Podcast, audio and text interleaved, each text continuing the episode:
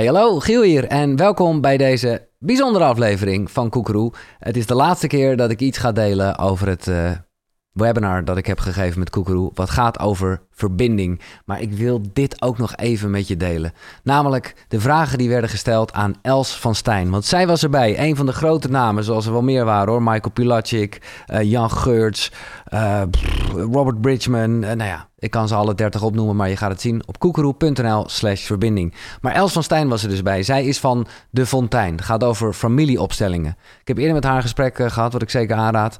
In een noodrop, anders snap je misschien niet helemaal waar de vragen over gaan. Haar metafoor met de fontein is het volgende. Je kent wel zo'n champagnetoren, weet je wel, zo'n achtige fontein. Je moet als mens echt goed in je bak staan.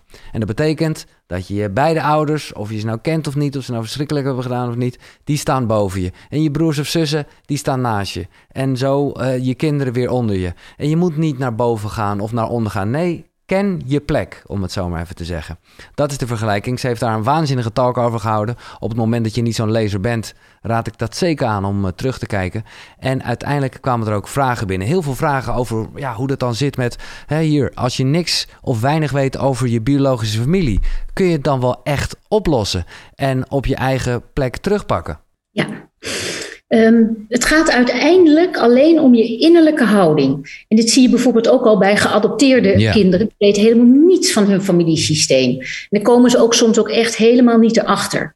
Dan is echt een familieopstelling de methode om uh, in de vorm van een representant kennis te gaan maken met die biologische ouders. En als je er niks mee van je, van je eigen biologische ouders weet, nou, uh, dan kan je. Um, ze blijven een package deal, jouw uh, ouders. Het mooie, het minder mooie en alles waar je naar verlangt en ze niet kunnen geven.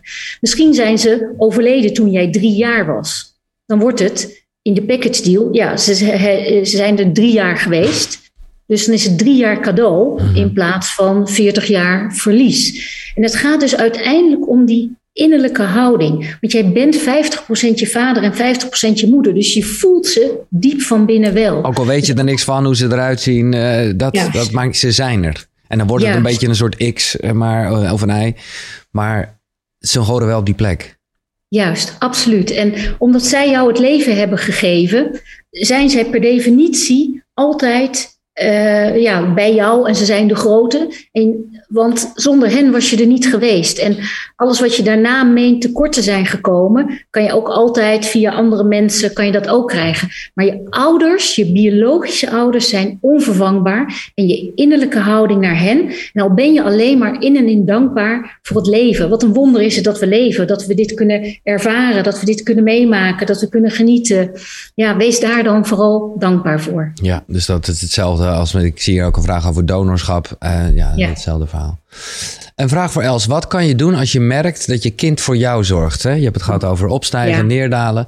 Ja. Um, kan je daar als, als, als ouder ook iets aan veranderen? Want dat is, ja, dat is iets wat bij het kind ligt. Die doet dat. Ja, ja. Um, ja, het, op twee niveaus ga ik even deze vraag beantwoorden. Mm -hmm. Het meest simpele is: zorg dat jij goed op jouw plek in de fontein gaat staan. Dus zorg dat jij met jouw eigen thema's aan de gang gaat. Want dan daal jij af naar jouw plek. En dan zie je direct dat kinderen voelen dat je niet meer behoeftig bent. En die kunnen dan hun eigen leven gaan leiden.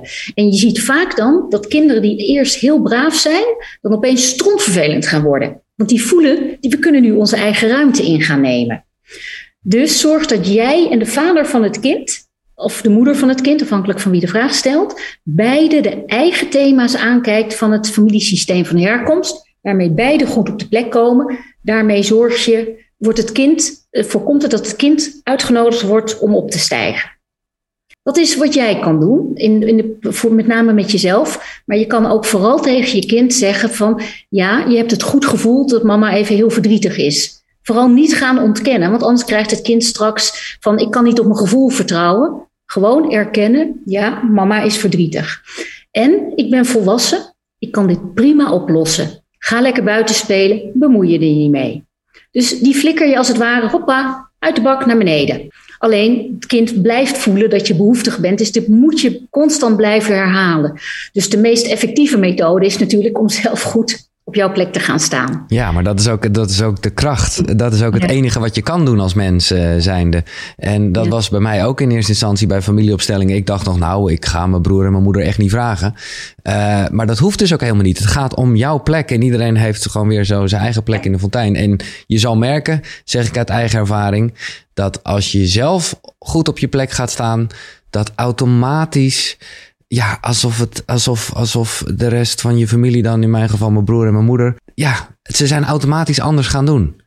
Uh, maar dat, dat, dat ligt omdat ik anders in die plek sta. Dus ik zag ook de vraag binnenkomen: hoe kan je in je eentje een opspelling doen om op je plek te komen? Ja, het gaat, het gaat eigenlijk alleen om je eigen plek.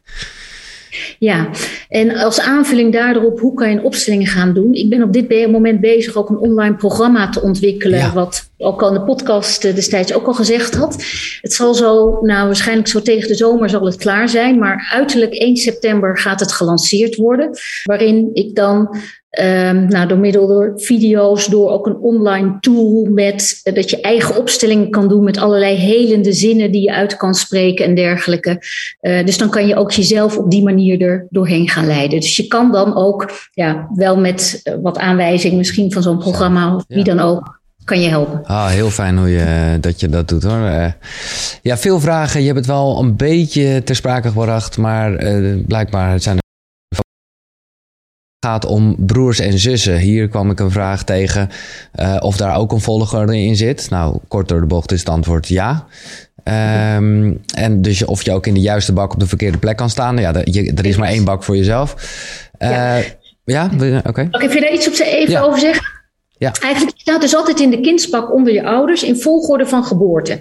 Dus dus de oudste die, van de tweeling die één minuut eerder geboren is, die heeft plek 1. En dan heeft de, de andere helft van de tweeling heeft deel 2. En ga zo maar door. Dus daar zit ook, daar ook nog een verloop in. En dan kan je dus, stel dat jij het kind op plek 3 bent. Als je echt denkt van nou, mijn oudere broer en zus op plek 1 en 2 maakt er een zootje van. Ik ben een veel beter kind voor papa en mama. Dan zet je jezelf eigenlijk al vooraan in die kindsbak. Maar eigenlijk zorg je ook voor je ouders. Doordat je, ik ben een veel beter kind voor mama, ik ben lief en braaf. Dan ontlast je je ouders ook weer. Dus dan stijg je op twee manieren ook weer op. Ja, dus dat is echt, uh, dat kan zomaar zijn ook hetzelfde als je met je ouders hebt. Als je voor, ja, zeker in opzicht voor je broer of zus gaat zorgen terwijl je jonger bent. Ja, is dat ook een soort opstijgen zou je kunnen zeggen? Ja, zeker. Uh, ja. Ja, eigenlijk wat ik noem boven je zetten in de fontein, of iedereen die boven jou staat in de fontein, is, is iedereen die, um, nou sowieso boven je in de fontein mm -hmm. staat, maar ik ben dan plek drie in de kindsbak. Dus plek 2 en 1, uh, daar mag ik niet voor zorgen. Maar mijn zus op plek 2, want mijn, de, die boer is overleden. Mijn zus op plek 2 mag nog een klein beetje als zus iets voor mij doen. Ja. Maar wederom wel, daar moet de balans van geven en ontvangen gelijk zijn. Terwijl tussen ouders en kinderen is er altijd een disbalans. Ouders geven altijd meer dan een kind ooit terug kan geven. Ja. En, maar alle andere relaties is uh, de constante uitwisseling van geven en ontvangen. Ja. Dan zie ik ook nog uh, wat vragen eh, die allemaal te maken hebben met, met uh, miskraam. Ja. Um, ja, of, dat, of, of die ook een plek hebben. Ja. Dat, uh, nou, daar, daar, dat verschilt per familiesysteem. We, um, maar eh, voor, van sommige mensen in het familiesysteem weten we 100% zeker, voor elke familie geldt dat altijd. Bij miskramen schijnen er iets van uitzonderingen te zijn dat bepaal, in bepaalde familiesystemen de miskramen bij het lot horen van iemand, mm -hmm. terwijl bij anderen horen ze echt helemaal in de kindsbak erbij. Maar ik heb nog nooit een familiesysteem gezien waar de miskramen niet er op die manier bij hoorden. En, en er komt rust in een systeem als er gewoon de plek wordt gegund. Dus -hmm. tel ze maar gewoon mee, dan zit ja. je safe. Maar daar zeg je iets, en dat kan soms best wel iets zijn, dat je daar misschien helemaal geen weet van hebt. Hè? Dat, er, dat je ouders zoiets hebben meegemaakt. En dat ja. kan dus wel degelijk dan effect hebben op, op de plek. Uh, dus ja, hoe doe je dat als je het niet weet? Is ook zo. Dat, ja, dat is gewoon dan het lot eigenlijk ook van de volgende generaties. Want dan wordt dit kind buitengesloten. Mm -hmm. buitengesloten, wordt door een familiesysteem niet geaccepteerd. En dan wordt er een, een, kind dat later geboren is, misschien de volgende generatie of de generatie daarna, die raakt dan onbewust geïdentificeerd met die persoon die buiten wordt gesloten. Dus daarmee voorkom je, door je innerlijke houding, je hoort er helemaal bij, voorkom je dat er dus kinderen die misschien nog wel geboren moeten gaan worden in de toekomst, in volgende generaties, dat die al gaan opstijgen in de fontein zonder dat ze het doorhebben. Uh, hoi Els, kan ik ook een familieopstelling doen met mijn twee dochters of moeten we het echt alle drie individueel doen? Oh, leuke vraag. Uh, de moeder mag zeker de opstellingen van de kinderen zien. Maar als de kinderen erbij zijn, dan stuur ik de kinderen naar buiten en dan doe ik alleen de opstelling met de moeder. Want het gaat de kinderen niets aan wat er bij een ouder speelt. Als een, uh, een moeder moet wel erkennen, ik heb het zwaar of moeilijk, want dat, gaat toch, dat kan ze toch niet ontkennen. Maar als een kind te veel gaat weten van de inhoudelijke dynamieken en problematieken, dan wordt het kind uitgenodigd om op te stijgen voor de ouder. Dus de moeder mag wel bij de kinderen, maar ik laat niet, de, bij, als de moeder de opstelling heeft, de kinderen aanwezig zijn. Dan ga ik die eventjes, ga maar even een rondje in het park lopen. Ja. En hoe zit het uh, met halfzussen, halfbroers, eh, stiefvaders, stiefmoeders? Alles uh, half broer, half zus, dat is bloedlijn. Die maken dus onderdeel uit van jouw familiesysteem. Stief maakt geen onderdeel uit van jouw familiesysteem, want er is geen bloedlijn. Wat niet wil zeggen dat er niet een hele warme, liefdevolle ja. verbinding kan zijn. Maar dat is die geven en ontvangen. Maar de wetmatigheden zijn niet van toepassing op de stieffamilierelaties. Uh, en dat is gewoon een andere familie, een andere fontein, die jou ook wel weer kan bevloeien. Want dat kan lekker nog even over jouw fonteintje gezellig heen. Uh. ja, precies. En uh, kijk, want op het moment dat je een relatie hebt, dan, uh, ja, dan bouw je eigenlijk zelf samen een soort nieuw fonteintje, zou je kunnen zeggen. Dus daar heeft links en rechts ook nog een plek. Dat voelt nu misschien te ver om uh, daarin door te gaan. Maar uh, ik zie hier wat heftige mensen, of uh, geen heftige mensen, maar heftige verhalen over mensen die dan seksueel misbruikt zijn en zo. Wanneer, ja, wanneer heeft iemand een soort plek in je fontein? Wanneer is een ex een ex, om het zo maar te zeggen? Een, nou, hoe, ik zei al dat de fontein geen rekening houdt met ethiek. Nee. Iedereen met wie je ooit seks hebt gehad, als maar één nacht, die hoort bij jou in je familiesysteem erbij. En natuurlijk heeft en een one-night stand, die heeft veel minder systemische impact dan een relatie van mhm. heel lang. Als daar dan ook nog eens daderschap heeft ingezeten door seksueel misbruik of agressie of wat dan ook, dan zit daar dus ook nog een dader-slachtofferdynamiek in. En daders komen ook nog eens daarbij in je familiesysteem. Dus dan moeten we een aantal extra handelingen doen. Maar dit wordt gewoon, hoe gek het ook klinkt, gewoon geregeld. Dit soort mensen die zitten, komen automatisch in jouw familiesysteem. Hoe eerlijk je het ook vindt. Ja. En dat is, het, dat is het lastige. Daarom vind ik het belangrijk dat steeds duidelijker wordt dat ze erbij horen. Zodat je in plaats van die binding van, ja, ze mogen er niet bij horen, dat bindt hen juist nog meer aan jouw familie Fontijn dan, dan het aan te gaan, waardoor die verbinding is, waardoor het weer ja, schoon en veilig is. Maar ze blijven onderdeel uitmaken van je familiesysteem. Ja. Oké, ehm, ja, we moeten afronden. Ik zie heel veel vragen al binnenkomen, maar uh, de tijd zit erop. Ik zie ook wel vooral heel veel mensen die jou dankbaar zijn. Die, uh, nou ja, uh, hier iemand die zegt binnen, ik, ik, ik, wil Els heel erg bedanken, want ik ben er weer helemaal een connectie met mijn ouders aangegaan, 40 jaar later. Mm. Um, ah, nou, nog eentje, omdat ik er gewoon nieuwsgierig naar ben kan je het toekomstige ongeboren kind al een juiste plek geven? Uh, nee, het is er nog niet. Nee. Minimaal uh, de twee een ijscel en een zaadcel aan elkaar. Nee, precies. Oké, dat, dat, dat, nee, ja, heel goed. Um, ja, lees vooral het boek van Els. Ik moet eerlijk zeggen, ik was er net aan het zoeken. Toen dacht ik, oh nee, ik heb Vind je plek heb ik uitgeleend. Ik vind het altijd heel mooi om kennis te delen. En ik had laatst met iemand een goed gesprek. Een vriendin dat ik zei, nou lees jij dit boek maar even.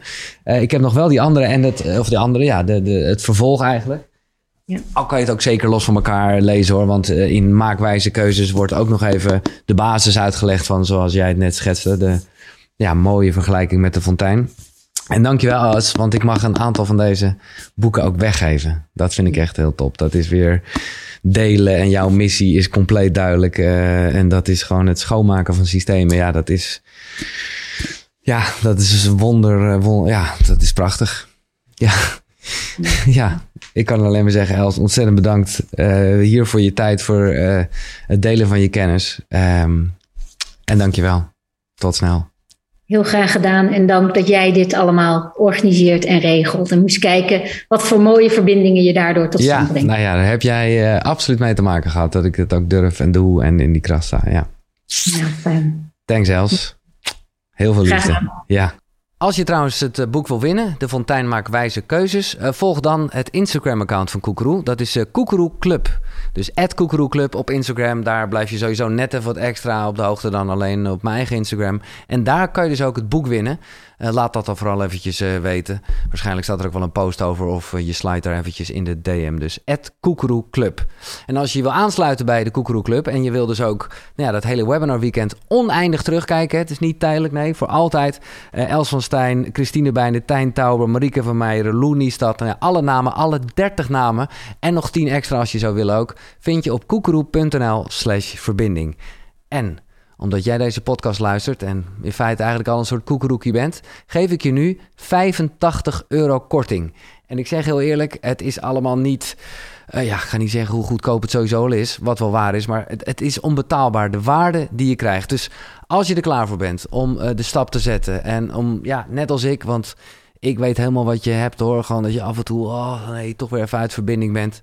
Als je die tools voor eeuwig bij wil hebben, dan is dit je kans. koekeroe.nl slash verbinding. Een echt mooi pakket van 30 lessen. En gebruik dus de kortingscode podcast. P-O-D-C-A-S-T. Nogmaals, dit was de laatste keer dat ik erover begon binnen de club. En zelf zal ik nog heel vaak het webinar terugchecken. koekeroe.nl slash verbinding. Dit was Koekeroe. De volgende keer weer een gewone. Tot dan, zonnegroet. Hoi.